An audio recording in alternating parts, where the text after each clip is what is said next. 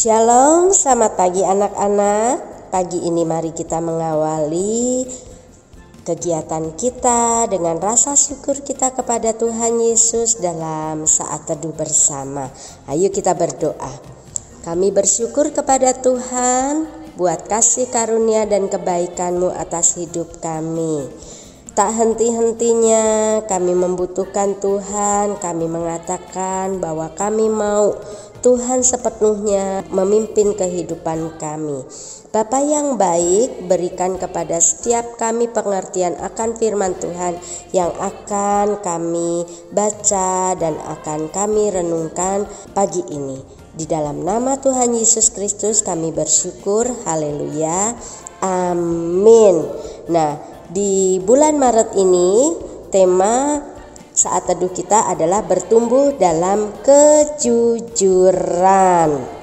Nah, mari bersama-sama dengan Miss Ratna kita akan e, membaca firman Tuhan.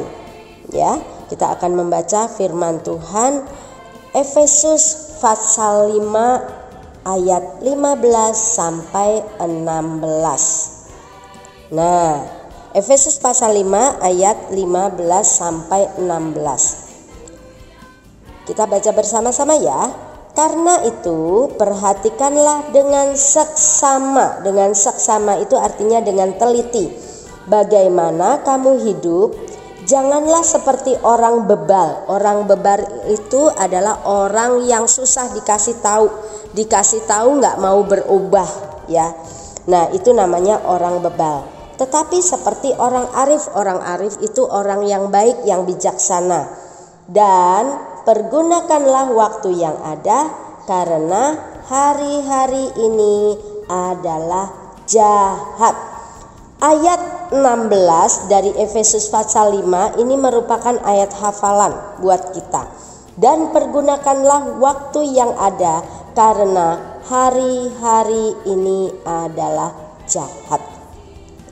Judul firman Tuhan dalam renungan pagi ini adalah Kok jahat? Nah, loh kok ada ya hari yang jahat sih? Apa itu? Apakah itu harimau? Wah, tentu bukan dong sayang. Nah, hari yang jahat adalah hari yang sia-sia.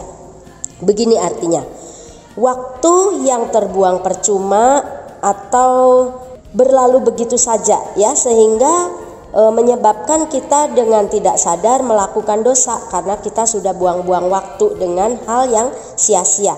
Misalnya ya, misalnya nih, ya ini hanya sebagai e, contoh saja. Misalnya jika saat-saat ini nih kamu mulai bosan tinggal di rumah terus gitu ya, nggak bisa belajar di sekolah, mulai jenuh bosen tidak boleh bebas bermain ke tempat-tempat yang biasanya kalian suka ya. Lalu kalian mulai pengen ah santai ah gitu di rumah. Mumpung ibu guru nggak melihat ya. Saat PJJ kalian bosan. Rasanya aduh udah capek deh mendengarkan atau memperhatikan guru menerangkan melalui voice note atau zoom. Nah hari-hari yang jahat itu misalnya waktu yang kamu gunakan dengan hal yang sia-sia. Misalnya waktu PJJ kalian tidak belajar dengan tertib tapi malah waktu Zoom kalian ikut Zoom tapi sambil mendengarkan guru menerangkan itu rasanya udah capek ya. Lalu eh, yang kalian lakukan malah asik melamun dan membayangkan makanan yang enak-enak ya nggak tahu tuh ibu guru mau ngomong apa, miss ngomong apa, Yaser bilang apa. Yang penting aku membayangkan makanan yang sedap-sedap deh. Nah, lalu pada akhirnya setelah PJJ selesai di hari itu, kemudian kalian asik nonton, terus main game sampai malam, ya. Gawat nih Baru ingat kalau kamu belum mengerjakan PR atau tugas yang diberikan oleh Miss atau Sir. Duh, karena waktunya mepet, udah terlalu malam.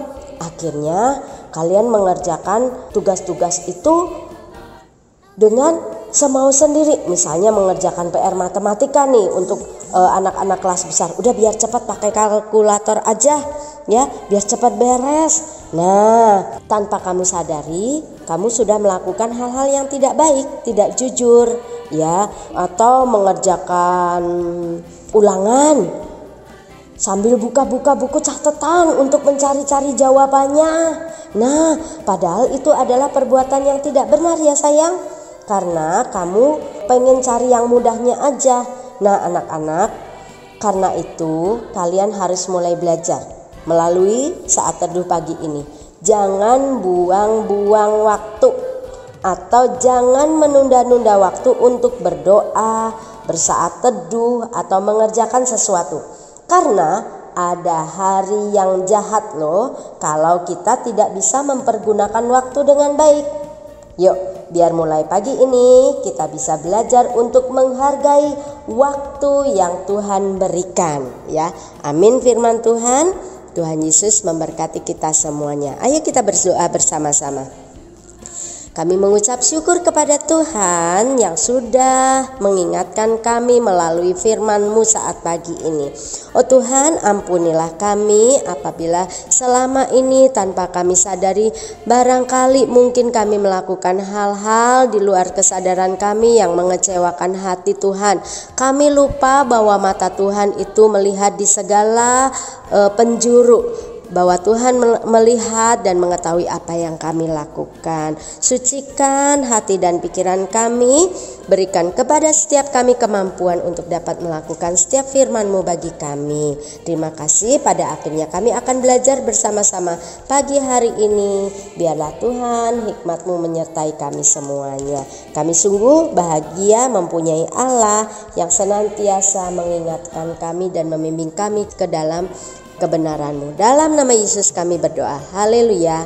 Amin. Amin firman Tuhan selamat beraktivitas. Tuhan Yesus memberkati.